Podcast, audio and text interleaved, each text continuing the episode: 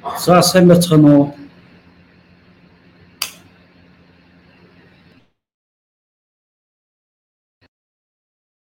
Тэгэхээр Itel компаниас зохион байгуулж байгаа My Hotel Academy маань хоёр дахь лекц эхэлж байна. Тэгээ өнөөдрийн сэдвээр би зол бодрол та бүхэнтэй шинэ аялал жуулчлал гэдэг аялал жуулчлал ер нь ямар өөрчлөлтүүд гарч ийн ирээдүйд юу болох гээд байна гэдэг тухайд энэ өөрчлөлтөд ямар гол нөлөөлж байгаа хүчин зүйлүүд гэдэг зүйлүүдийн талаар та бүхэнтэй ярилцах болно.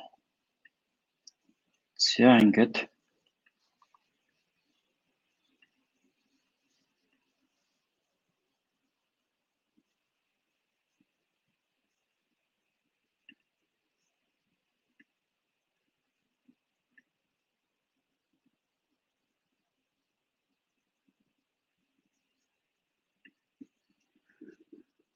За бүтэн дэлгэцээр яж бол та бүхэнд харагдахад илүү амар байж байгаа. За энүүгээрээ ч явсан болох юм байна. За энэ сэдв би болохоор өөрөө мэдээлэл технологийн мэрэгчлээ. Тэгэхээр аялал жуулчлалын яг хүн биш ч гэсэн сүүлийн 2017 оноос хойш энэ аялал жуулчлалын салбар дээр ажиллаж байгаа. Тэгэхээр манай Hightel гэдэг компани энэ аялал жуулчлалын салбарт мэдээллийн технологиг нэвтрүүлэх гэдэг сүүлийн 4 5 жилийн хугацаанд ажиллаж байгаа. Анх манайх зочдлууд дээр консалтинг үйлчилгээ үзүүлдэг байсан менежментийн. А тэр менежментийн консалтинг үйлчилгээнээсээ дамжуулаад бид нэр энэ аялал жуулчлалын бүтээгдэхүүн үйлчилгээг бид өөрсдөө ер нь бий болох ёстой байна гэдэг. Тэгээд энэ чиглэлээр судлаад явсан ба. Тэгэхээр одоо бол уламжлалт бүх салбарууд мэдээллийн технологитой уялдаа шинжилээд өөрчлөлтүүд ингээд яваад байгаа. Тэгэхээр бид нар ч гэсэндээ зөвхөн өөрсдөө чиглэлэлтгүй те энэ аялал жуулчлалын салбарт юу болж байгаа гэдэг тухай бид нэр судалж үздэг байгаа. За тэгэхээр би та бүхэнд ер нь бол нэг юм үгүй тийм.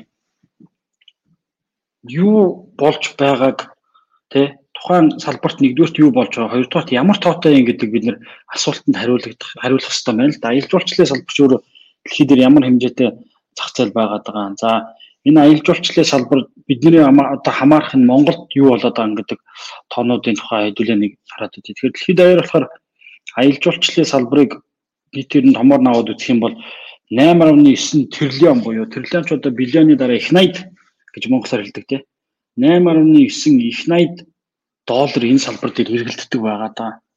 Тэгэхээр дэлхийн нийт энэ эдийн засгийн 10.3%-ыг аялал жуулчлалын салбар маань бүрдүүлдэг. А тэгэхээр нийт эдийн засгийн өсөлт дэлхийдээр 2.5% та байдаг бол аялал жуулчлалын салбар бол 3.5% та өсөж идэг. Нэгсэндээ дундаж өсөлтөөс өндөр хувьтай өсөж идэг ийм айтайхан салбар тий одоо бизнесийн хувьд бол уналттай байгаа салбар руу орох юм бол бид нар бол буруу зүйл рүү яваад орчихно гэж ойлгож болно. Энэ бол өсөлтөө байгаа салбар аа. Гэтэ энэ жилийн хувьд бол арай өөр нөхцөл байдал байгаа тий. За хоёрдугаар энэ 8.9 их 80 ам доллар Америк долларыг ямар ямар байдлаар ингэж ангилж үзэж болох вэ гэхээр олон улсын аялал жуулчлал дээр а 28.7% нь бол энэ олон улсын аялал жуулчлал дээр байдаг. За дотоодын аялал жуулчлал дээр болохоор 71.3% байдаг. Нэгсэндээ 2.5 их 80 доллар бол олон улсын бидний хамгийн одоо магадгүй их сонирхдаг зүйл бол энэ олон улсын аялал жуулчлал. Аялал дэлхийд дээр хараад үзэх юм бол дотоодын аялал жуулчлал бол олон улсын аялал жуулчлалаас нэг 2.5 дахин юм өндөр дүнтэй байгаад байдаг өндөр түвшинтэй байгаад. А domestic а буюу дотоодын аяллаа худал бол 6 их 80 ам доллар байдаг. За бизнес аялал бол 21%. А leisure буюу илүү юм аялах, амрах, зугаалах тэр чигийн аялал нь болохоор 78% та ийм байгаад байгаа. Тэгэхээр бид нар бол хамгийн том нь гэвэл domestic leisure гэдэг travel ер нь чигээ бариад авах юм бол магадгүй нийт салбарын нэг 60% нь юм уу хараад үзэж үзлээ гэсэн. За нийт ажлын байрны тий 10 ажлын байрны нэгийг бол аялал жуулчлалын салбар хангадаг. За энэ тоо бол 2019 онд 2019 оны тоог нэгтгэхэд WTTC гэдэг World Travel and Tourism Council гэдэг эднийхээс гаргасан тоо үзүүлэлтүүд байгаа. За 10 ажлын нэг нь бол аялал жуулчлалын салбар байдаг. Нийт 330 сая ажлын байр байдаг бол одоо шинээр үүсэж байгаа дөрвөн ажлын нэг нь манай салбар үүсгэж юм байна. За аялал жуулчлалын салбар гэдэг зүйл ердөөсөө сүүлийн энэ жилүүдэд маш эрчимтэй урдтай өсөж байгаа. За энэ бол ер нь бол бизнес эрхэлж байгаа хүн болгоны хүсдэг юм график байгаа. Яадаг вэхээр ингээд өндөр босоо өсөлт гэдэг бол маш хурдцтай өсөлтийг илэрхийлдэг тийм маш хурдцтай өсөлтийг илэрхийлдэг. Тэгэхээр ийм хэмжээний хурдтай аялал жуулчлалын салбар маань өсөж байгаа хүмүүсийн хувьд болохоор за 2009 оны хямралаар нэг уналт үзүүлсэн. Гэхдээ нэг хоёр жилийн дараа ингээ маш хурдтай сэргсэн. Тэгэхээр 2020 онд бол нэлээд өндөр бол уналт үзүүлэх байх. Гэхдээ хурдан хугацаанд бол сэрэх ийм чиг байгаа. За мөн эдний гаргасан тайлан дээр аялал жуулчлалын салбарын өсөлтүүдийг бүс нутгаар нь авч ирсэн байгаа. Тэгээ бүс нутаг дотор бас би энэ чиг сонирхолтой хэрэгжүүл ярих гэдэг нь Төв Аз гэдэг маань одоо манай хордог тий. За Хойд Аз, Дундад Аз, Зүүн өмнөд Аз гэдэг юм уу. Энэ үрдээс Азийн орнуудын өсөлт нь хамгийн өндөр байдаг. Хамгийн өндөр байдаг. Тэр дундаа тухайлсан улс орных нь аялал жуулчлалын салбарын өсөлтийг аваад үзэхээр 1 2 3 4 5 6 7-од нь Монгол байгаа тоххой. Сауди Араб 14%, Кыргыз 14%, Түнис 12.9% гэх мэтлэн хамгийн өндөр өсөлттэй улс орнуудыг аваад үзэх юм бол Монгол улсын хувьд бол 7-д байгаа суртацтай өсөж байгаа аялал жуулчлалын салбараа. За би өнөөдөр ер нь ярих зүйлүүд за аюулгүй байдлын тухай өчтөр бид нар бас Майтэл академийн эхний сургалтаар зочд буудлуудын холбооны тэргуун Мөнхбаттай зочид буудлыг COVID-19 дараах зочдуул гэдэг сэдвээр ярилцсан байгаа. Тэгээ энэ дээр болохоор бид нэр энэ дээр болохоор бид нэр энэ аюулгүй байдал талаас илүү ярьсан. Өнөөдөр болохоор шинэ аялал жуулчлалд юу болох гэдэг гэдэг тухай ярина. Тэгэхээр аюулгүй байдлаас бусад зүйл дээр шууд хамааралтай гар. Тэгээ түрүүний энэ босоо график дээр хамгийн хүчтэй орж ирж байгаа зүйл бол энэ өөр онлайн захиалга юм онлайн одоо digitalization гэдэг. Одоо захим шилжилт гэдэг тэр зүйл байгаад байна. Тэгэхээр энэ ч би нэг сонирхолтой тоог харуулъя. 2000 16 онд нийт энэ олон улсын аялал жуулчлал болохоор 1.4 их 80 доллар байгаад эндээс 46% нь онлайнаар захиалгууд нь явжсэн байна. Нэгсэндээ 644 тэрбум доллар явжсэн.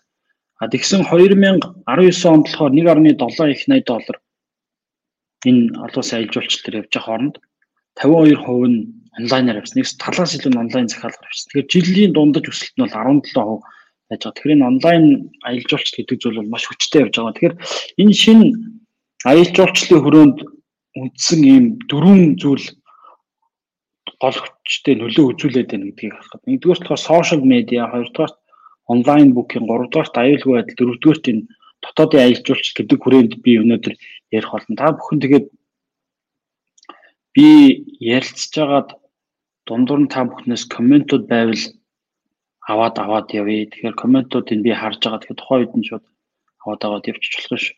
За энэ дөрвөн зүйлээс асуулт тавьж бичээд явчих. Тэгээ энэ дөрвөн зүйлийг за нэгдүгürt social media гэдэг зүйл. За яагаад энэ Facebook, Instagram, TikTok, Twitter гэдэг зүйлүүд маань энэ аялал жуулчлалын салбарт нөлөө үзүүлчих вэ? А очны юу гэвэл бизнес төр дундаа маркетингийн салбар дээр нэг зүйл байдаг л та. Хүн ер нь бол харсан зүйлээ даган дуурайдаг тий. Тэр нь болохоор шууд сармагч шиг монкиси монки дүү гэдэг үг гэдэг байхгүй. Сармагч шиг шууд дагаж дуурайх биш оюун санаанд өвд үлддэг гинэ. Тэгэхээр та бүхэн анзаардаг бол энэ сошиал медиа дээр олон хүмүүс зургнуудаа тавьж байгаа тийм олон хүмүүс зургнуудаа тавьж байгаа. Тэр дунд хамгийн их тавьдаг зураг бол хүмүүс ер нь зайлшгүй гадаад руу юм уу те аялал хийхдээ хамгийн их зураг оруулж тавьд юм байна л хамгийн их зураг оруулж тавьдаг. Тэгэхээр бидний Facebook дээр байгаа 1000 2000 найзууд дундаас тэр гадагшаа авахус гадагшаа явахдаа гоё авахулсан зургнууд нь бол илүү хүмүүсээс ч хандл авдаг хүмүүсийн сонирхлыг татдаг. Тэгэхээр яаж нэхэр бусад хүмүүсийн аялж байгаа зураг юм уу тий тэр зүйлүүдний хүмүүсийг илүү сэтэлжүүлдэг, аялах сэтэл өгдөг. Би ч гэсэн аялмаар байна гэдэг зүйл рүү оруулдаг. Нэгдүгээрт.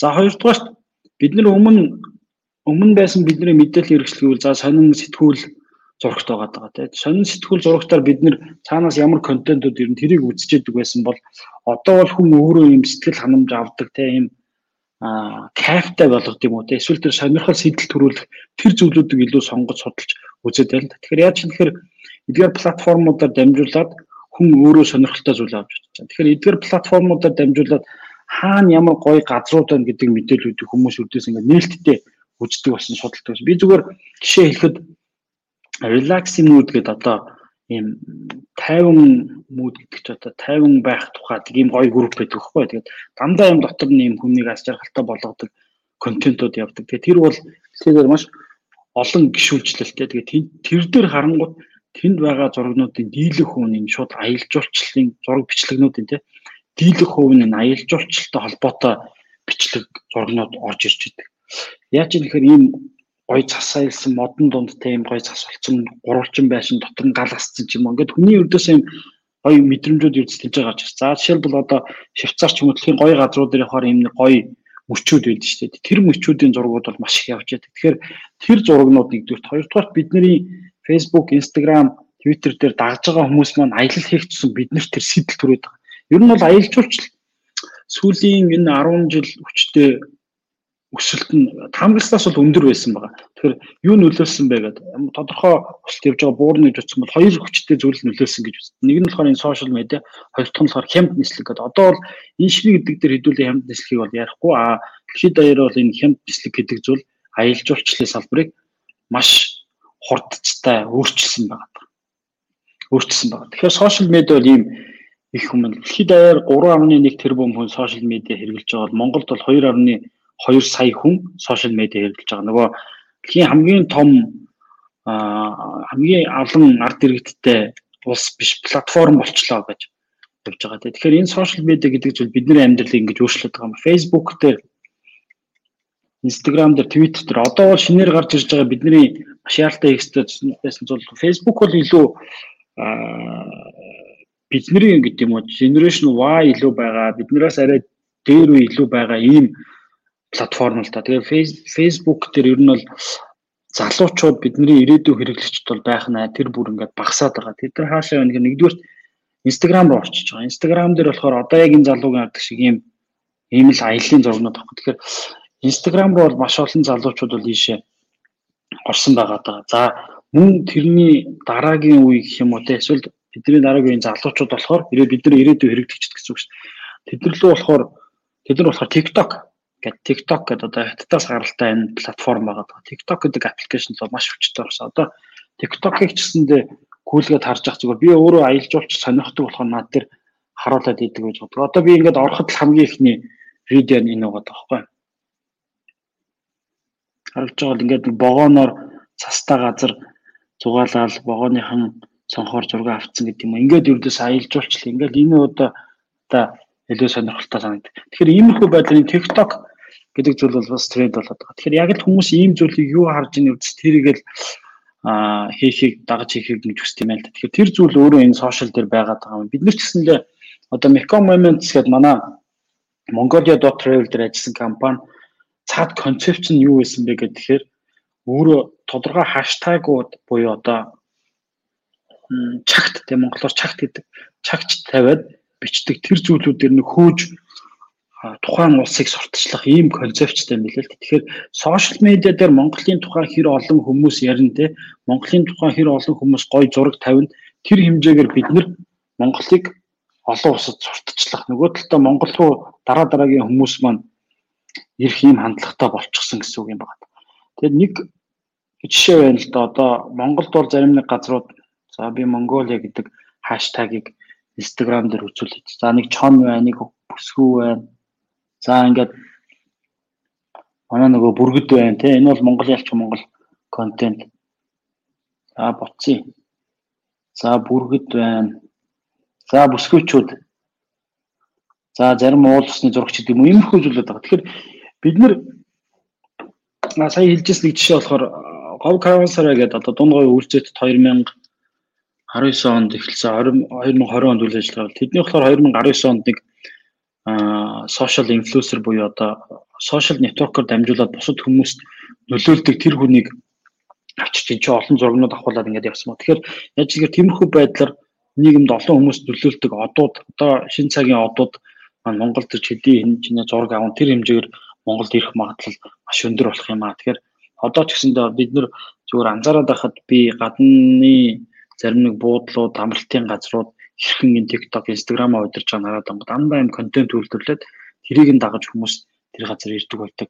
Ийм шинж байгаа. Тэгэхээр энэ дэлхийд хамгийн их хүмүүс таалагдсан зургнууд гэдэг байна л да. Ер нь жишээлбэл бид нэр одоо энэ зургийг харангуйтал Турк руу яваад агаарын агарын бөмбөлөгтөн суугаал явах ийм мөрөөдөл бидний дотор бий болж байгаа тийм. Мальдивийн энэ усан гоё арлууд энэ усан арлуудыг очиод очоо шумбаж үзмээр ч юм уу тийм. Чинь ингээд хэд хоног байрлах юмсан гэдэг зүйл байна. За энэ хаана байдаг вүлээ? Финлянд зүг байна уу? Нөгөө туйлын туяа хардаг, Исланд байна уу? Аа, туйлын туяа хардаг ийм за шилэн дээвэртэй ийм газар. Энэ бас нэлийн тренд болсон. Бас хамгийн сонирхолтой амралтын газруудын нэгэнд орч. Тэгэхээр энийг харахад тийш явах гэж чинь. За өмнө жил 2019 онд санаж энэ хятадын шилэнгүүр бол бас нэлээд бичлэгүүд, хөгжилтэй бичлэгүүд тэгээд ингээд шилэнгүүр нь хагарч байгаа гэдэг болдог те. Иймэрхүү зургийн юмудад явсан байгаа. Тэгээ энэ зүйлүүд энэ орны аялал жуулчлалыг маш хүчтэй хөгжүүлж яадаг аяллаа үндсэн контентууд байгаа. Энд ч очсон хин ч гэсэндээ зураг оруулаад өөрийнх нь Facebook юмудад байдаг. Нөтөлтөө тэрийг харсан хүн болгон сэтэлчдэг юм байна. За Монгол болохоор уу булан гэдэг та бүхэн сонжингийн хичээдэг те. Уу булангийн зураг бол эмхүү зураг маш их явсан. За энэ Швейцар биш Монгол тэгээ булганы зураг явсан. Бид нэг өөртөө маш их сэтэлж байсан зүйл гэсэн үг л дээ. Энэ болохоор дорнодын юу Оо нэг навч болсон.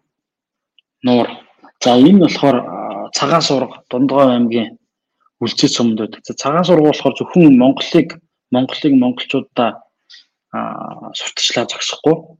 Өөрөс дэлхийд даяар бас Grand Canyon гэдэг та бүхэнд бол Америкт байдаг юм авцал байдаг. Яг тэрний жишээ бол бид нэр дээр ингээд харагдсан байгаа. Тэгэхээр иймэрхүү байдлаар бол хүмүүс зургнуудаа оруулаад энэ зургнуудаа дагаад хүмүүс бас дагаж явдаг юм байгаа даа. Тэгэхээр сошиал медиа гэдэг зүйлийг бид нар бас зөв зүйтэй талаас нь ашиглах хэрэгтэй. За хоёрдугаар хэсэг болохоор онлайн болох тухай. За би 523 гэдэг чинь нэг 50 50 хүртэл товчхон юмнуудаа яриад тэгээд та бүхнээ сонирхолтой асуултууд байвал тэр өөрийнхөө мэдэх те сонссон мэдсэн зүйлийнхээ эсвэл бодлого хүрээнд та бүхэнтэй ярилцъя гэж байна. За хоёрдугаар чухал хэсэг болохоор энэ за би энийг томоор харуулж байгаа та бүхэнд үзүүлье. А бөөр нөр яг зөв бөөр нөр өөр нураа марцсан. За энийг болуулаад.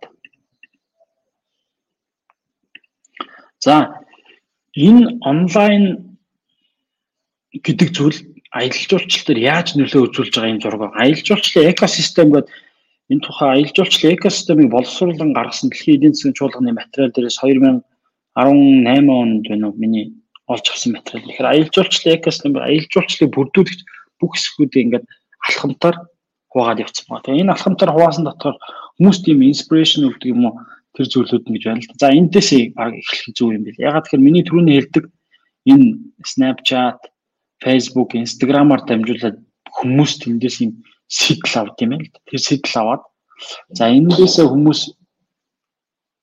сэтлээ хайж үздэг. Нэгсэндээ би одоо тий их нэртэйгээ Швейцараар аялья гой зураг үтсчлээ.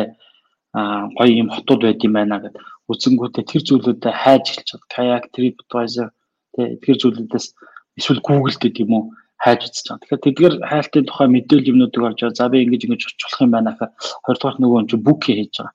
Бук хийхээр Expedia одоо Америкууд бол хамгийн их хэрэглэдэг нь Expedia, Европ дээр бол хамгийн их хэрэглэдэг нь booking.com гэдэг. Ингээд Agoda, Hotels гэдэг ингээд олон платформ зүйлүүд байгаа. OTA гэдэг маань online travel agency зүйл те. Тэгэхээр энэ дээрээс бол захиалга юмнууд хийж байгаа. Мөн travel agent-ууд бас байдаг. За тэгээд төлбөрийн хэсэг нь болохоор энэ Alipay, PayPal, Visa гэдэг юм нар картаараа ингээд төлөөд явчихж байгаа.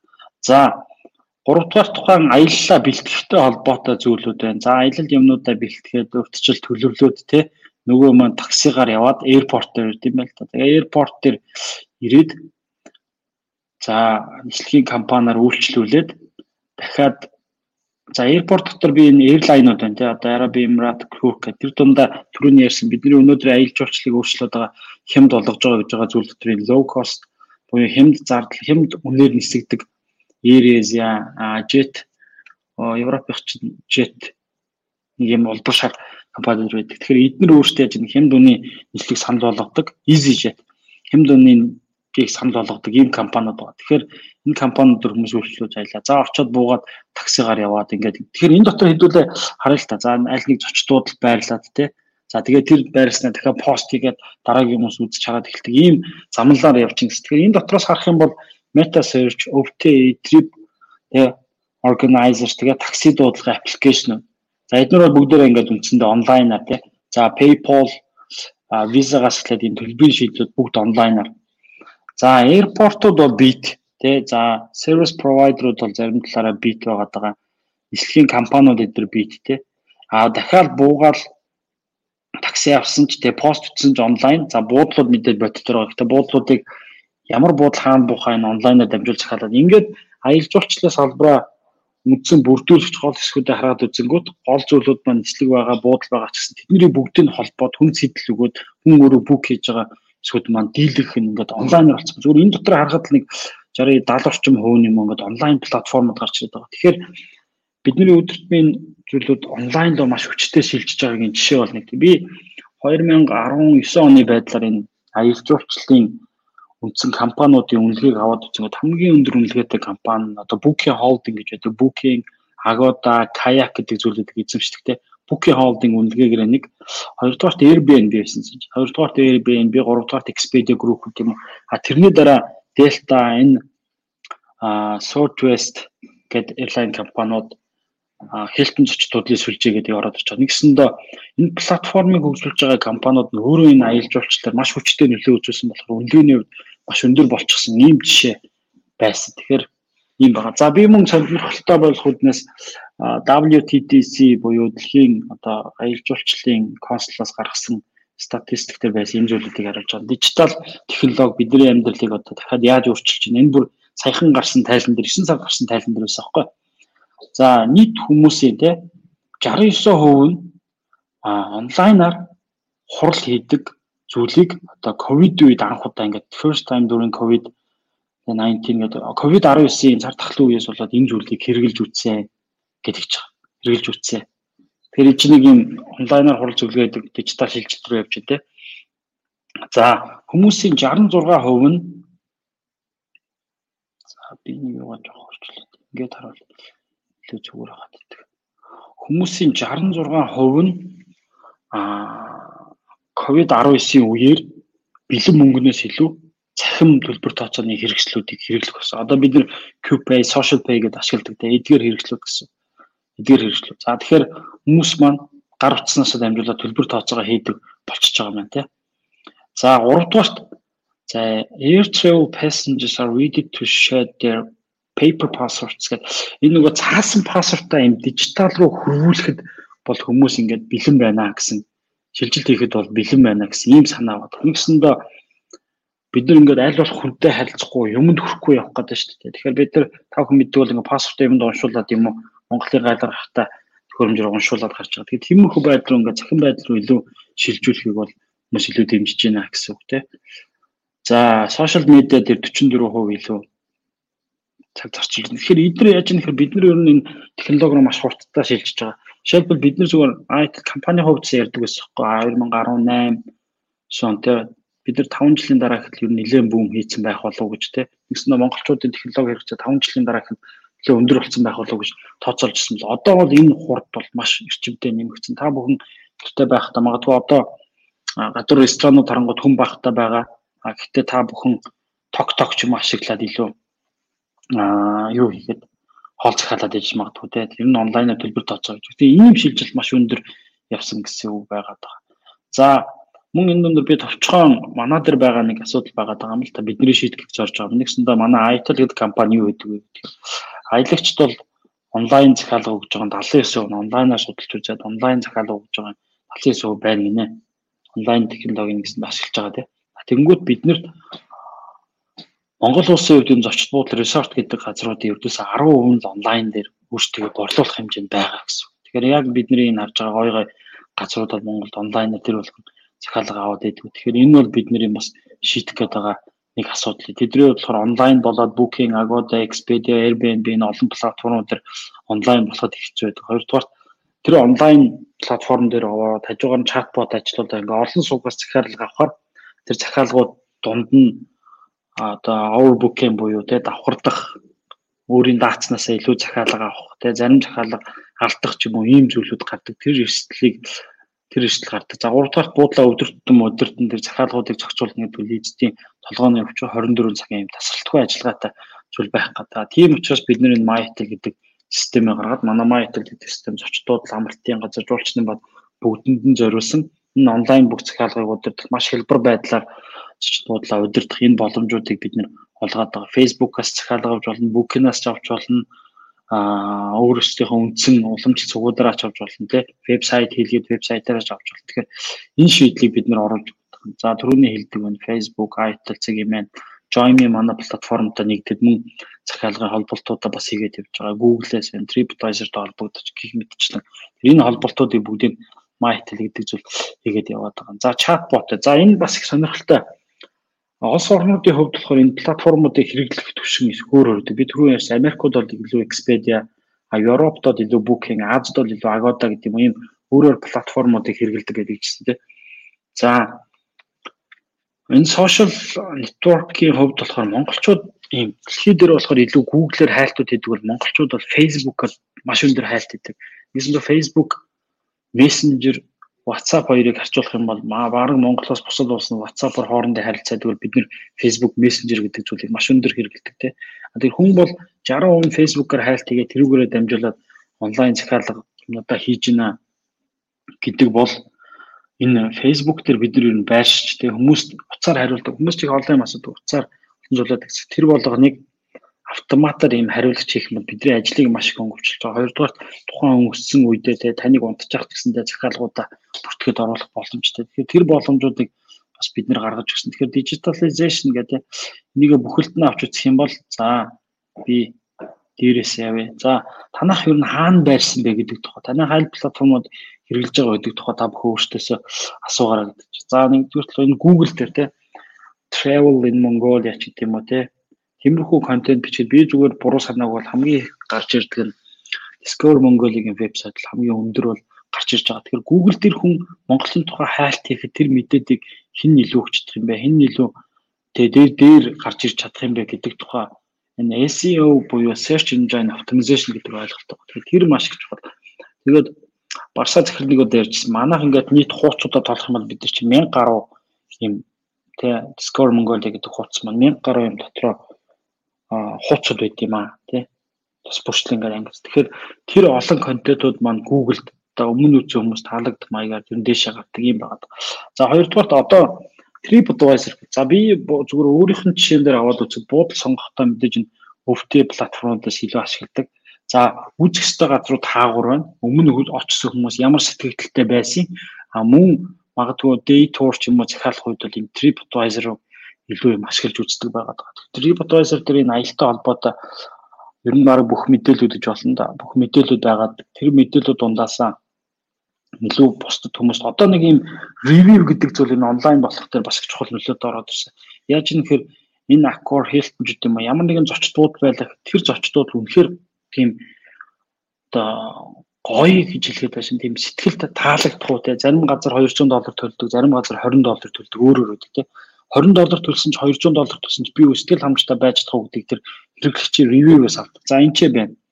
Яг Google TripAdvisor-ын reviews гэх те тэр review ямар байхаас хамаараа би сонголттой. Яг тэр шиг TripAdvisor дээр жишээлбэл тухайн улс орнууд өөрсдийн хамгийн одоо зайлшгүй үзэхтэй must see place гэдэг юм уу зайлшгүй үзэх юм 10 газар гэж жагсаалт гаргадаг. Хэдийгээр тийм тэр нь өөртөө гаргасан нь хүмүүсийн сэтгэлдээ харьцуулахад арай өөр байдаг тийм өөр байдаг. Тэгэхээр би бол юунд илүү итгэдэг вэ? Хүмүүсийн сэтгэлд хин хүмүүст хэр их тийм сэтгэл төрүүлсэн гэдэг зүйлийг нь олж авахыг зорддог болохоор юм нээлттэй платформ тэр дундаа хүмүүс өөртөө онноо өгдөг ийм платформ дээр илүү итгэдэг. Тэгэхээр энэ TripAdvisor бол тийм хүчтэй байгаад байгаа. Тэгээд TripAdvisor дээр day tour хийхэд бол их зүгээр л дээ. Би сүүлд бас нэг сонирхолтой жишээ. Бидний харилцдаг зочдуудлуудын нэг нь хэлж ирсэн. Тухайн зочид буудал хамтарч ажилладаг тур компанида хэлж л дээ. Танах манаа дээр өмнөхөөсөө баг зочин буулгаад байна гэдгсэн чинь тухайн тур оператор нь бид нэр баг зочин буулгаад байгаа да биш те танахыг багасгаад байгаа те биш бид нар дээр ирж байгаа зочин багасаад. Тэгэхээр яаж нэгэд хүмүүс бол эдгээр платформ нээлттэй байдлыг ашиглаад өөрсдөө ингээд аялаа төлөвлөх боломжтой болчихж байгаа байхгүй.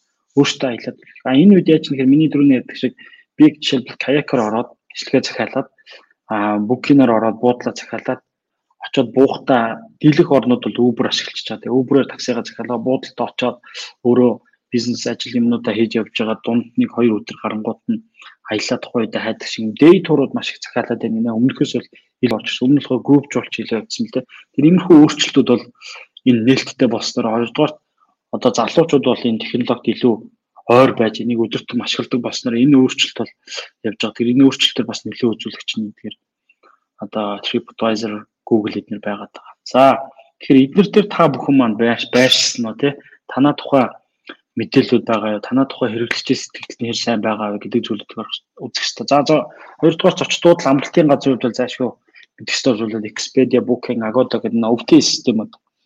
Тэгээд энэ их олон юм системүүд байгаа даа. Тэгээ энэ дээр ямар очдаг бүгдээрээ өөр өөр. Тэгээ бүгдээрээ өөр өөр одоо бизнесийн тодорхой модель болон хэрэглэгчдийн хэсгүүдтэй зарим нь шууд төлдөг, зарим нь очоод төлдөг тий. Зарим нь илүү урамшууллын системтэй бол зарим нь Genus member-гээ явцдаг ч гэдэм. Тэгэхээр манай хувьд бас ингээд зочдуудаа хамтарч ажиллаад энэ чиглэлээр Booking, Agoda, Expedia дээртэй хамтарч ажиллахад зөвлөгөөнүүд өгөөд явах биднээс нэгэн дээр нь орчих болох уу? Нь хамгийн гол юм бэ гэдэг. Бидний өгдөг зөвлөгөө бол аль болох олон сувгаар ор тий.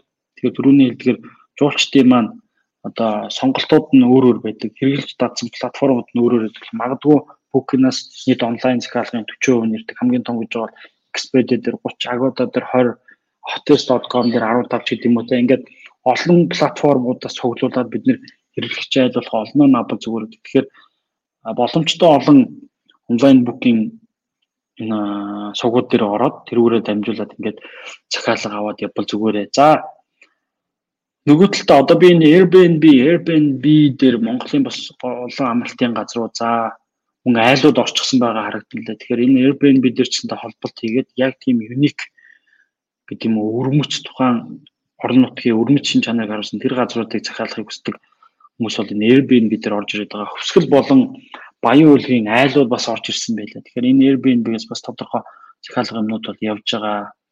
За тэгээд эргээд сошиал медиа дээр дамжуулаад юу яаж болно гэсэн сурчлагаагаа явуулж болно хүмүүсээ сайн ревю авч жишээлбэл Foursquare гэдэг энэ өөрөө аа миний хамгийн их ашигладгаар болохоор үйлчлэгээний газар тэр дундаа хоол, pub, restaurant, одоо disco bar гэдэг те тэдгээр зүйлүүдийг хэрэглэгчийн оноогоор надад санал болгодог газар байхгүй. Тэгэхээр яаж юм тэгэхээр зарим газрууд бид нар гадаад очиод өөрчлөлгөө та манай TripAdvisor дээр үнэлгээ өгөөч гэж гуйдаг байхгүй. Тэгэхээр тэр ингээд үнэлгээ таалагдах юм бол review өгөхөөр тэр газрын нэр хүнд өсөө явдаг байх тийм. А нөгөө талдаа би жишээлбэл Туркийн нэг хотод очлоо гэхэд би хаана хоол идэхээ мэдэхгүй бол Foursquare-с үздэг. Яг замын шууд дайралцсан газар орохоор тэр болгон сонголт муу байдаг. Foursquare дээрээс өндөр оноотой газрууд орохоор би яг тийм local ч юм уу те яг том боё өрмөц хоол идэж чаддаг гэсэн. Тэгэхээр та бүхэн аялал жуулчлалын одоо энэ олон залбирууд байгаа олон залбирын айлч хэсэг нь байсан та онлайн дээр байгаа юу та энэ онлайн шилжилтийг хийсэн үү гэдэг асуулт бол маш чухал. Одоо бид нэр гар утсгүй хүн гэхэд бид нэр гайхандаа яг л тэр шиг онлайн холбогдоогүй зочдууд ресторан тий ийм газар их юм бол бид нэр гайх байхгүй. Тэгэхээр яг ийм нөхцөл байдал төр бид нэр яриад байгаа. Тэгэхээр та бид онлайнаар холбогдсон онлайн суугуудаа шууд өөрсдийнх нь буудлуудыг зөвхөн захиалга авахаас гадна тэр нэр хүндээ өсгөх хайлтын илэрчдээр гарч ирэх гэдэг юм тэр зүйлүүдийг хийж чадсан уу гэдгийг та бүхэн бас өөртөөсөө асуугаарай гэсэн үг юм байна. За За би ингээд за цүүлтэн Монголын тухай яриа. Тэгээд энэ донд би бас сонирхолтой шийдэл энэ өмнө жил Монголд бас манай Отогли гэдэг борсаа Discord Mongolia оруулж ирсэн те. Отогли гэдэг бүр юм майхан шиг тэг glamping энэ gambling glamping л байх хэрэгтэй да гэдэг зүйл байгаад байгаа. Энэ яаж нэхэр glamping те энэ ч зөв бичсэн те. Энэ яаж нэхэр ийм майхан шиг гэхдээ майхан гэхэд бол том а өөрөө дотроо ийм зочид буудал шиг тогтчлттай цэвэрхэн тэгшгийн шалтай тэгээ ийм газар байгаа даахгүй. Би ч гэсэндээ зүгээр төсөөлөө бодоход а за нэг хотод очиод байх бол нэг хэрэгтэй. Хотод очихоос ийм гоё ийм байгаль дээр илүү ойр байгаа. Жинхэнэ утгаараа ийм амралт үзүүлэг амралт бол гэх юм бол очиод дахиад нэг ийм байшин дотор орж байгаа илүү ийм хаус юм уу? Одоо болдог бол Монгол гэр шиг ийм зүйл байж байгаа. Би ч нэг зүүн Тимор бүрийн дэрсэн байшин энтерт орчихсон. Надад бол тэр их бусад зүгээр түрүүн хамтаа тийм ийм чутгцсан байшин донд байж байгаа хамаагүй өөр байгаад байна. Тэгэхээр тэр мэдрэмжийг төрүүлэх нэг зүйл өөрөө энэ glamping гэдэг зүйл байгаа. Энэ glamping-ыг үзэх юм бол бид нэр майхан очоод нэг газар бариад мишоко тавиад жоохон хазгаа газар тухгүй амардаг байсан бол очоод яг ийм майхан буюу агартайгаа ойр байх мэдрэмж а тэгээд дотор өөрөө юм тухлаг зочдууд шиг бүх юмнууд нь байдаг. А энэ олон майхнуудаа дагсан юм талбайтай. Тэгээд энэ бас боломжтой нь яаж нэхэр би зөвхөн Airbnb-г үзээд байгаа. Airbnb дээр Airbnb өөртөө сурталчилгаасаа илүү Airbnb-гийн хамгийн тийм гой поинтууд, гой цэгүүд гэдэг юм уу, тэ позишнүүд гэдэг юм уу. Ийм нийтлүү зүйлд их гоё яваад байгаа. Тэрний яаж нэр юм уулын модон дундаас очихсан. Эсвэл яг ийм уул усны ирэг дээр майхнасаа гарч ирж байгаа юм дээр майх шиг ийм газар гарч ирж байгаа имжлэхүү. Тэгэхээр яг тийм гоё юник газрууд бид нэр газрын зөвшөөрөл аваад байшин барилга бариад байгаас илүү тухайн газрыг ийм аа майх шиг ийм газрууд хийгээд зуны үйлрэлд ашиглаад явчихсан буулгаад аваад явсан ч амархан бутч хэрэгээ сэргээгээд майхнаа барьсан ч амархан ийм зүйл байгаад байгаа. Тэгэхээр би бас аялал жуулчтайгандаа энэ зүйлийг илүү санал болгомоор байна. Монголд бол зөвхөн отоглын биш 2 3 газрууд ийм глампинг чиглэлийн юмнууд бол хийчихсэн байлаа. Тэгэхээр магадгүй 2000 энэ тэгээд 99 онд 99 оны дүнгээр 99 2019 оны дүнгээр 2018-д 8 онтой харьцуулахад сошиал хайлт нь 194%-аар нэмэгдсэн буюу яг л нөгөө шин тренд болж байгаа тийм шин чиг хандлага болж байгаа. Ийм зүйл байгаа. Тэгэхээр Монголд бол Улаанбаатар хотод хэд хоног гэж болж уулч ирдэг байх. Яг Монголд ирээд байгаль үзэхтэй тэгж ирж байгаа жуулчдад бол энэ магадгүй хамгийн тийм гоё сонголттой хүмүүс сургаа авах нь гоё орчин байж болох юм а гэсэн ийм санаа байна. За миний А дөрөвдүгээрт ярих хэсэг бол энэ дотоодын аялал жуулчлалт гэсэн. Би түрүүн анхны слайд руу та бүхэн дээр очиж байгаад нэг аялал жуулчлалын тоонууд үзүүлье. Би энийг та бүхэн нэг анхаарал үзээрэй гэдэг. Бид нэр дотоод аялал жуулчлалаа тэр бүр тоодгууд гэхдээ дэлхийн хэмжээнд аваад үзэхээр 8.9 их 80 долларын 73% нь доместик дээр явж байгаа. Доместик тэр рүү дотоод аялал жуулчлалт интернэшнл олон улсын аялал жуулчлалт дээр 28.1 7% нь явж идэг. Ийм тоо байгаад байгаа. Ийм тоо байгаа. Тэгэхээр бид нар энэ олон улсад бол доместик тэгээд би зарим нэг орнуудыг санаж байна. Жишээлбэл Филиппин, Филиппин, а Хятад, Индонез тэр орнууд болохоор яадаг вэ гэхээр дотоод аялал жуулчлал 80 90% та байдаг. Хятадыг бид нэр дэлхийд дээр том аялагч орн гэж үзээд байдаг. Хятад өөртөө аялалт нь 87 8% та билүү байдаг. Ийм юм байгаад байгаа юм. Тэгэхээр бид нар энийг жиж орхиж болохгүй нэг салбар бол дотоод аялал жуулчлал байгаа. Тэгээд дотоод аялал жуулчлал гэхээр тэгэл нийтлэг проблемнууд ярьдаг л да. Монгол аялагчдын байна, мөнгө ингэдэг ингэдэг гэдэг. За тэр тухайдсандээ би санаа оноогоо хуваалцъя гэж боддог. За юуны өмнө ягаад дотоод аялал юм бэ? Ягаад 2020 онд юм бэ гэхээр бид нэр 2020 онд аялал жуулчлалын салбарыг тодорхой орлоготой байсан хүмүүс бол дотоод аялагчд байгаа даа. Хоёрдугаарт одоо энэ ковидын дараа аялал жуулчлал сэргэхэд хамгийн хурдан сэргэх боломжтой дотоод аялал жуулчлал байна гинэ. Дотоод аялал жуулчлал байна. Та бүхэн одоо ингэ дэлхий автгаа болцсны нэг илэрл бол өөрөө ковид байсан. Хятадаас маш хурдан хугацаанд дэлхийд даяар маш хурдтай тархчихсан. Тэгэхээр энэ бусад орнууд руу аялах юм уу энэ өндөр эрсдэлтэй гэдэг хүмүүс мэдээ дотоод аялал хийх ийм сонирхолтой байгаа. Жохон галзуу бараа ам руу гараа ихс буцгүй гэдэг шиг илүү залуучууд нь илүү олон улсын аяллыг төрүүлж хийгээд аа нас тогтсон хүмүүс юм уу те ийм хүмүүс болохоор илүү дотоод аял магадгүй урт хугацаанд энэ олон улсын аял хийх юм төлөвшөнд гарч иж илээ. За энэ болохоор WTTC-гээс Монголоос өгсөн контент байгаа даа байхгүй. За Монголын төлөөлөгч Монголоос тодорхой контент өгдөг юм зүйл байгаад лээ. За мөн хэлсэн ковидын өмнөх тоош энэ бол тий 2019 онд Монголын key data буюу үндсэн үзүүлэлтүүд байгаа. Манай нийт эдийн засгийн 7.2%-ыг бүрдүүлж байгаа. За 11.9% тий түрүүний хэлдэг маш өндөр өсөлттэй байгаа. Нийт эдийн засаг маань 5.6 өсөж исэн бол тэр дотор аялал жуулчлалын салбар маш эртэмт эртэмтэй өсөж исэн. Бид энэ лог ер нь бас ашиглах хэрэгтэй байна. За 88700 хүн буюу нийт ажлын байрны 7.6% нь юунаас шууд хамааралтай гэж. За нийт те одоо олон улсын жуулчдыг манай эдийн засгт үзүүлж байгаа нь 605 сая доллар 605 сая доллар буюу 1.6 их найд төгрөг гэж ингэж үзсэн. Нийт экспортын 6.8% нь байсан байна. Тэгэхээр энэ 6.1 тэгээ 605 сая долларыг бид нэр 2019 онд ямар нэгэн байдлаар олон салбарууд хуваагаад авсан гэсэн үг юм байна. За жуулчдын тооны хувьд бол та бүхэн мэдж байгаа 19 577 мянга. Тэгээд өссөн ч өссөн ч хамгийн том жуулчд бол хятадх байгаа даа тий. За хоёрдугаарт манай зүгээр захиалга юунаас харахад Оросын жуулчид хэл визг басны холбоотойгоор маш хурдтай нэмэгдэж орж ирсэн ийм байгаад байгаа. За жуулчдын тооны хувьд одоо сүүлийн үед бол өсөлттэй яваад байгаа. Манай бас бид нар хэдий одоо муу зүйл их ярьдаг ч гэсэндээ манай аялал жуулчлалын салбар бол бас эрчимтэй хурдтай өсөж байгаа. Ямар санда дэлхийн өндөр хүчж байгаа орнуудын өндөр өсөлттэй байгаа орнуудын нэгт бол орж ирээд байгаа тийм.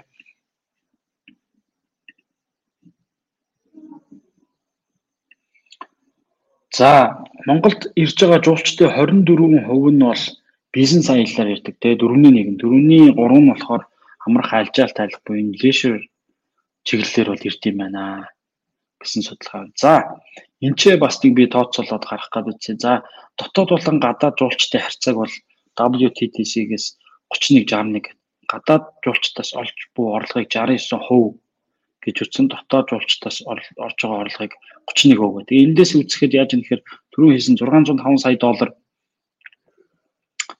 гадаад жуулчдаас Монголын экспорт болж орж ирдэг гэжтэй. Тэгэхээр нийт зах зээлээр харах юм 846 876 сая долларын бид нар дотоод зах зээл байгаа. Энэний 31% нь дотоод байгаа. Тэгэхээр 31% гэдэг болохоор 271 сая долларын ийм дотоод аялал жуулчлалын 2019 оны тоо байна. Тоо байна. Энд ч одоо төгрөгөөр бол юу юм 700 орчим тэрбум төгрөг юм. Тэгээ өндөр дүнтэй тийм ийм хэмжээний мөнгө эргэлдэж байна гэсэн. За хоёрдугаар 220 мянган хүн би 2020 оны тоо мэдгүй болохоор 2020 онд миний хамгийн анхаарал татсан тоог бас та бүхэндээ тэгж 220 мянган хүн 2020 онд 7 сард Улаанбаатар хотоос машинаасаа гарсан. За энэ болохоор яаж юм гэхээр манай дотоодын жуулчдын тоо гэж бас бодож байна. Гэхдээ зөвхөн Улаанбаатараас гарсан тийм. За 2020 220 мянган машин гэдэг бол нэг машин нэг хүн байхгүй, хоёр хүн байхгүй, 3 4 хүн л ер нь бол дунджаар явж байгаа болоо гэж бодоод. Тэгэхээр нэг 660-аас 880 мянган хүн бол дотоод ингээ хөдөлгөөнд орсон байна. За анзаарсан бол 2020 оны 8 сарын үедтэй Улаанбаатар хотод явж байгаа машинуудын бас нэлээд олон хүн өмнө байгаагүй олон хувь нь юу байсан. Орон нутгийн машинуудаас. Тэгэхээр орон нутгаас Улаанбаатар руу ингээд ирж очих энэ хөдөлгөөнүүд гэсэн байгаад байгаа. Байгаад. Тэгэхээр энэ дотоод аялал жуулчлал 2020 онд үнэхээр бүүм хийсэн, бүүм хийсэн. Маш өндөр хэмжээний эргэлт бий болсон. Тэгэхээр дотоод аялал жуулчлал төр ийм зүйл байгаа юм л та. Миний харж байгаагаар нэг ийм дөрвөн төрлийн шат амжилтыг дамжих хэрэгтэй юм байна. Бид нар ч гэсэндээ одоо Айтл бид нэр гадаад зах зээл рүү харах гээд 2 3 3 орнууд ингээд судлаад тий тухайн газар амьдарч ирсэн, ажиллаж ирсэн тухайн газрын иргэдэлтэй бид нэр уулзаад аялал жуулчлалын талаар ярьж хахад ер нь манайтай их төстэй. Яаж юм хэрэг анх бид нэр одоо аялал жуулчлал гэдгийг нэг уул усандаа очих, ах дүүс дээр очих, нутагтаа очих гэх тий хэдэн жилдээ нутагтаа нэг очих тухай ярьдаг байсан бол энэ бол бидний нэгдүгээр үе байгаад байгаа байхгүй. Нэгдүгээр үе байгаа. А хоёрдугаар үе яаж гэсэн гэхээр сүүлийн үедээ баг 2000 оноос нөө тэрний дараагаас ихсэн нэг юм шинэ юм ихсэн. За энэ болохоор өөр газар нутаг үүсэх буюу өмнө нөгөө байнгын явдаг өөрийнх нь төрсөн нутаг руу ирж ах дүүс дээр ирж очихоос гадна өөрөө зөв өмнө дүүс дээр ирж очиход бид нар чинь бензин хатаас очоод очоод бензин авдагс бусад юмнуудаа баг өөртөө аваа явдаг очоод орон нутгийн жуулчны бааз амралтын газрууд дээр орлого тэ зочдлуудлуудаар баг оруулдаг нэгсэндээ бүгдээрээ сайхан тухайн айлтаа байршдаг. Тэгээ нэгсэндээ эдийн засгийн эргэлтэнд оруулах хэмжээний тийм аялал жуулчлалыг баг хийдэг байсан бол дараа нь бол өөр газар очиж үзэх, өөр нутаг үзэх те ийм аяллууд бол эхэлсэн байгаа даа. Сая нэг бас 2010 онд хүүдээ хүүдээ зарим нэг хоббитай хүмүүс л энэ өөр аял гэдгийг гарч. Тэгэхээр энэ үед яасан бэ гэхээр энэ машин маш их чухал нөлөө үзүүлчихсэн. Яаж юм гэхээр хин тэгээ том машинтай том машин гэж байна хин том машинтай байна тэр хүн л ийшээ явдаг байсан бохоггүй. Тэгэхээр энэ бол хоёр дахь үрийн үеийн аялал жуулчлал байсан болов гэж боддог. Хоёр дахь үрийн аялал жуулчлал. За гурав дахь үеийн аялал жуулчлал бол одоо одоо яг ингэж явж гин гэж бодоод байгаа. Яаж юм гэхээр бидний сүүлийн хэдэн жил бол засмал замыг маш сайн тавьсан. Маш засмал замыг маш сайн тавьсны хэрээр та бүхэн санаж байгаа нөгөө өндөр юм жипнүүд гарч ирсэн байгаа газар ингээл престэй дээшээ гарч ирж байгаа бичлэг үзүүлээ те энэ бол ингээд анхудаа плюс гарч ирж байгаа нэтэр бичлэг явж. Тэгэхээр яаж нэхэр тав хүмүүс чи плюс бол ард түмэнд бол хамгийн хэрэгтэй байна шүү дээ. Хамгийн бага зардалтай тий хамгийн бага засвар үйлчлэгээ ордог. Хамгийн бага одоо засвар үйлчлэгээс зардалтай тий. Тэгээд монголчууд хүүтэй оронд бол хамгийн тохиромжтой байна. Энийг бол хүмүүсийн сонголтоор бид нэ харж байна. Тэгэхээр тэр машин хаа хүртэл явж болох вэ гэдэг асуулт л байгаа. Тэр машинаар өмнө бид нэр хүссэн газар руу явна гэх юм бол а ер нь жоохон эргэлзээтэй байсан шүү. Одоо бол энэ засмал зам дийлэг аймагуд дийлэг үзэстэй газруудаар очичоор хүмүүс өөрийн тэ гадаа байгаа машинаа унаад л тэр шишээ юм аялах боломжтой болчиход байгаа. Тэгэхээр энэ нөлөө. За нэгдүгээр хоёрдугаар бид нэр сошиал медиа яалтгүй нөлөөсөн. Саяны дээр бөөр нуурын зурагч байна те.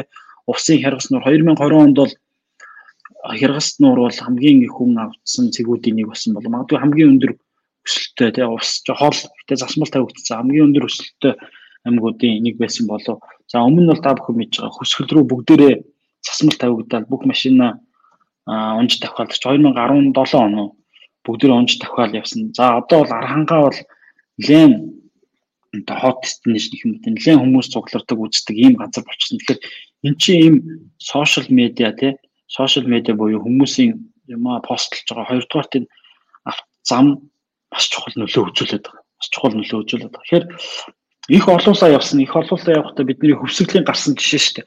Очоод ATM-ч байхгүй, хоол ундагууч болсон, идэж уух нь олтгоо байсан, юу лээ, колонк нь бензингүй болсон гэдэг. Тэгэхээр бид нар ийм бэлэн биш байгаа. Тэгсэндээ ийм дотоод аялал жуулчилж энэ хугацаанд ингэж бүүн болоод байгаа байхгүй? Бүүн болоод байгаа. Тэгэхээр дараа дараа жил бид нэр ингээд тэднэртэй тодорхой хугацаар ингээд бэлдээд явна. Тэгэхээр энэ олноор аялах гэдэг зүйл бол 2020 он хориглол нь бол биш. Дахиад энэс цаашаа ч гэсэн төгснө. Дотоод аялах тийм надад ч гэсэн үзээгүй үзчихмэр олон аймагуд дээр байгаад байгаа. Тэгэхээр ийм аялал бол өснө. Одоо дараагийн ээлжинд бид нэр яах вэ? Дөрөвт үе буюу за ёстой төлж сурах гэж байгаа. За энэ болохоор жуулчдын хувьд одоо олон хүмүүс бас хилээдэг аялал жуулчлалын салбарын аль нэг газар очиод 1000 төгрөг ч юм уу 500 төгрөгөөр орно гэнгүүт тэрэн дээр хүмүүс ууралдаг гинэ. Би өөрийн төрсөн нутагтаа аялж ажаад яахаараа би мөнгө төлтийн ч гэдэг юм уу те. Тэгэхээр одоо Улаанбаатараас машин тэгээ дотроо пиг юм байгаа бол майхангаа үрээл ямар ч хэсэ аялаад байна шүү дээ. За зарим нь амралтын газар бууж байгаа, зарим нь майхантайгаа бууж байгаа. Иймэрхүү байдалтай байгаа. Тэгэхээр эндээс хамаарат бөөр нуурын зураг байсан уу? Хувсын хэрэгс нуурын зураг байсан. За энэ ч бол майхантай байж болохгүй маань ягаад тэгэхээр энэ салхихийн хараараа гэсэн майхнууд нурагдсан юм зураг эдгээр явчих. Тэгэхээр бид нар одоо илүү өөр аялал жуулчлал руу орж эхэлнэ л дээ. За байхан майхан зориултын газрууд байдлыг зориултын хоол унд идэв тэг өөртөө ингэж авч явж байгаа. Заримдаа өөртөө хийгээ заримдаа а тухайн газруудаас нь хоолнд авч идэх ийм ийм төл чурдаг аялал жуулчлал бол яваа. За маш гоё үзүүрүүд юм уу те байгалийн тогтц юм уу үзэх юм бол тодорхой үзрөө төлбөрөд нөгөө талдаа тухайн байгалийн тогтцыг аюулгүй байдлыг хадгалах тэр нөхцөлийн дагуу явах ёстой газруудаар нь яваад ийм зүйлүүдийг бид нэр хүссэн хүсээгүй дараагийн шатар ингээд ороод ийм зүйлүүдийг хийж сурна. Тэгээд манай дэлхийгээр аялагч тэгээд группийн админ тий Баберо гэдэг Батбаяр гэдэг тэр хүн гэсэндээ шилжиж тэгээд бид нарыг бол энэ залуу үе бидний дараагийн generation YZ-д бол өөрчлөнө гэдэг чинь тэд нар бол илүү хариуцлагатай юм ханддаг илүү хариуцлагатайгаар энэ аялал жуулчилдаг ийм хэсэг бас байна гэдэг чинь тэгээд тэр шиг хүмүүс гэсэндээ ийм зүйлд болчих. Нөгөө талдаа бид нар аялал жуулчлалын салбарх маань өөрсдөө тэр хүмүүс зориулсан бүтээгдэхүүн үйлчлэгээ юмнуудыг бас илүү нээлттэй болох санал болгох юм зүйл. Би сая өсөглөөш наашаа явжгаад кофе олж уух гэж их ажил болсон шүү. Эрдэнэтэд орж ирээд болсон. Булганд бид нэг кофений машин олоод өөрөө нөгөө машиныг насаагаад ажилуулж хүмүүст нь зааж өгөнгөө кофего чанаад ингэж смагч. Тэгэхээр хүмүүсийн хэрэгцээнд юу вэ? Тэр зүйлүүдийг бид нэр ойр болгох, зам дагуу болгох тий хүмүүст өөрсдийнх нь хүсснээс илүү зүйлүүдийг санал болгох. Ийм зүйлүүдийг санал болж чадах юм бол хүмүүс бол төлөхөд бол бэлэн байна. За зарим нэг үнэтэй газрууд байдаг тий. За дундгавт байна, арангаад байна, хөвсгөлд байна. Би одоо тухайлж нэрийг хэлээд явах маш гоё үйлчлэг. Тэгээ тэр газрууд бол бид нар сая IT-лэр утсан зарим захиалгуудыг аваад амжуулаад явж байгаад бүгдээрээ бүтэн дүүрсэн. Тэгэхээр хүмүүс бол төлбөр төлөөсөндөө гоё газруудаар явах юм сонирхолтой байна. Тэгэхээр зарим хэсэг нь тий. А урт хугацаанд бол маш олон хүмүүс ийм болноо ийм болно гэсэн санаа. Тэгэхээр энэ төлбөр зүйл сурах энэ дөрөвт хүрээ аялал жуулчлал бол ирж байгаа. Тэгэхээр дэлхийн нийт жишгээр авч үзээд 71% нь дотоод аялагчд байдаг шин. Бид нар ч зэндээ ийм зүйлийг өсвөсийг бол орно. Тэгэхээр тэр зүйл бац бид нэр бэлтгэлтэй байгаа. Дотоод аялал жуулчлалаа гадаад аялал жуулчлалтай ижил хэмжээний юм уу 600 сая доллар эргэлдэг болгочих юм бол бид нар бас аялал жуулчлалын салбар хүн гадаадаас дотоодоос юм хамгаалтаагаар бас яваад байх боломжтой юм аа гэж үзээд байгаамаа. Үзээд байгаа. За За та бүхэнтэйгээ одоо асуултуудаа хуваалцъя. За би бол түрүүн хэлсэн мэдээлэл технологийн хүн. Тэгэхээр мэдээлэл аялал жуулчлал гэдэг салбарт энэ мэдээлэл технологи гэдэг зүйлийг холбоод илүү шинэ аялал жуулчлал, илүү трендүүдийг судалж явж байгаа хүн юм байгаад байна. За манайх шиг хүн ам цөөттэй орон тэр дунд аялал жуулчлал бүх төрөл хэтэрхий их онлайн болчихлоо гэж бодъё. Тэгвэл гарах эрсдлийг нь ямар байна гэж тооцож байна. Манайх шиг зөвхөн амт тэр дундаа аялал жуулчлал бүх төрөл хэтэрхий их онлайн. Яг уу бид нар эрсдэл талаасаа гэхээр одоо юу байж болох би сайн хэлж бол мэдэхгүй байна. Яагаад тэгэхээр энэ ч өөрөө илүү онлайн шилжиж хүн манай мэдээллийг нээлттэй олох те. За эхлээд тэр хүн хайж болохоос илүү тэр хүний нүдэнд харагдах. За хоёрдугаар энэ ямар гоё газар вэ гэд үзэхэд тэр газар руу аа бук хийгээд очих бол бид нар одоо чинь бид нар айтл жишээ дээр харсан байхгүй. Манайх бол букин дээр яадаг вэ гэхээр маш олон хотод байдаг бодлоо онлайн байдаг. Манай дээр болохоор архангаан, хүсэглийн тий олон аймагуудын амралтын газрууд онлайн байдаг байхгүй. Тэгэхээр бид нар бол тэр газруудыг бас онлайн болгож чадсан болов уу гэж байна. Тэгэхээр гаднаас манай дээр бүк хийгээд тэгээ эргээд асуудаг асуултууд нь бол тий за бид нар бол нислэгээ захиалцсан. Гэхдээ би энэ тэр нэг хүсэглийн амралтын газар яаж очих вэ? мэдэхгүй байна. Тэгэхээр яаж машин захиалах уу гэдэг юм уу. Тэгэхээр тэр босод бид нар чинь тэр амралтын газар л олж үзчихгээд тэр хүн буян тухай дээр те Чингис хааны сонгоцны буудлаас тэр хүрэх яаж явах интернетээс олж чадахгүй гэсэн үг. Тэгэхээр тэгэхээр яаж юм хэр тэр цугуудыг жишээлбэл Улаанбаатараас мөрөө ордог мөрөн тэр нислэгүүдийг онлайн болгоо. За мөрөнгөөс цаашаа явдаг автомашины бүтээгдэхүүлчлэгийг онлайн болгоод ингээд явчих юм бол бид нэр тэр юмнуудыг нээж гин гэсэн. Нэгсэндээ бид нэр зөвхөн жишээ л та. Бид нар цааш нь газар очиод миний түрүүний хэлдэг чи би гадуур яваад гоё ресторан гэж ингэж хайх уу эсвэл онлайн орчин дээр би хаана гоё юм байгаа, хаана гоё юм идэж болох юм, хаана гоё юм үзэж болох юм, хаана гоё activity буюу одоо хийх зүйл байгаад байгаа юм тий.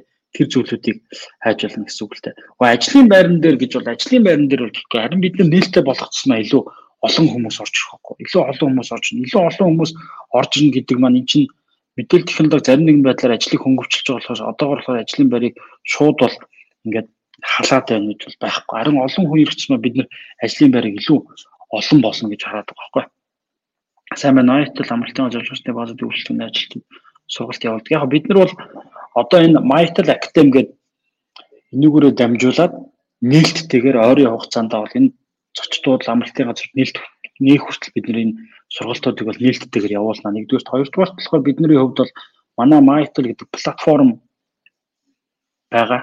Манай платформ дээр дамжуулаад а бид нэр зочдлуудлын холбоотой хамтраад энэ онлайн сургалтууд оруулж байгаа. Яг ч нэхэр манай зочдлуудлууд амралтын газрын нэг асуудал байна. Тэрний юу гэхээр маш их хүн солигддог.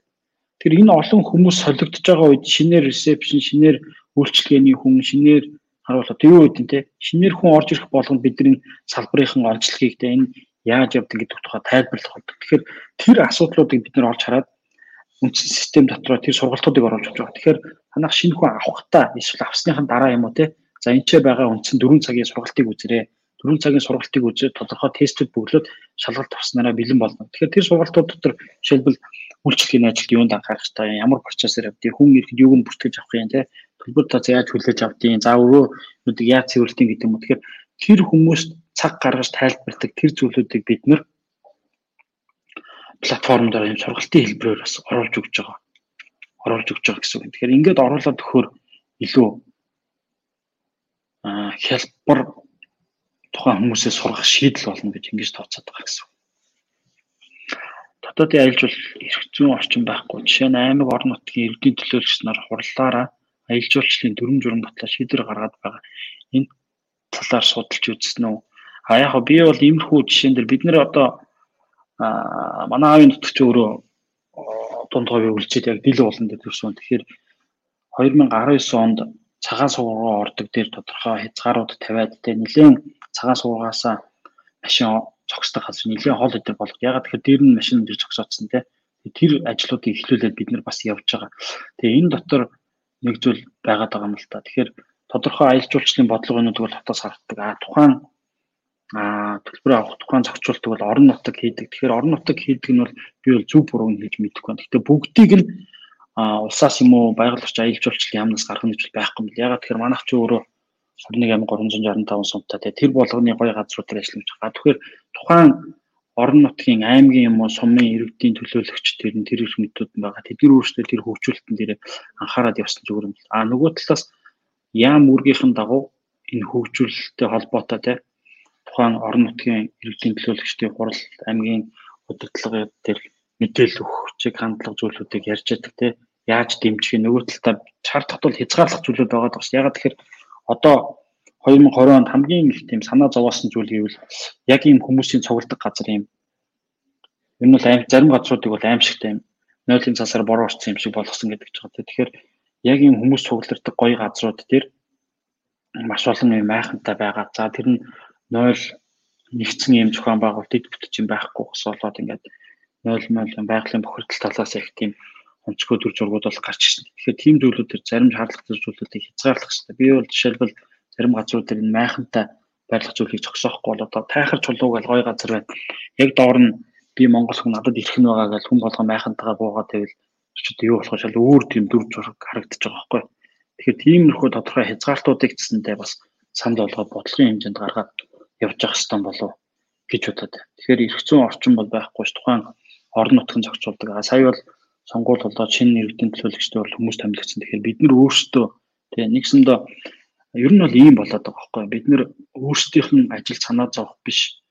Одоо жишээ нь би бол зүгээр Itel гэдэг компанидаа санаа зовох энэ салбарын асуудал руу ороод сая бол аялал жуулчлал тэр дунд очичдод амралтын газрын жуулчдын баазын хүмүүсийг аль болох нэг группээр нэгтгээд за энэ аялал жуулчлалын салбар бол Монголын эдийн засгийн чухал нөлөө үзүүлэхдээ ирээдүйн чухал нөлөө үзүүлэх салбар. Одоо энэ салбар дээр анхаараач гэдэг энэ одоо шүүл хэлээд гэдэг ингээд явж байгаа. Энэ зорилго нь болохоор яаж бид нар өөрсдийнх нь даваа борлуулахаас илүү нэг бос нийгмийн асуудалд оролцох хэрэгтэй болдог. Тэгэхээр та бүхэн ч гэсэндээ тий одоо тухайн өөрийнх нь хийж байгаа бүс нутаг тий тэр тухайн амралтын газарч байт юм уу, зоч дуудалч байт ажиллуулахын зэрэгцээ тухайн бус нутгийн удирдлагад энийг зөв ойлгох чиглэлээр та бүхэн бас оролцоотой байгаасаа гэж би хүсэж байгаа.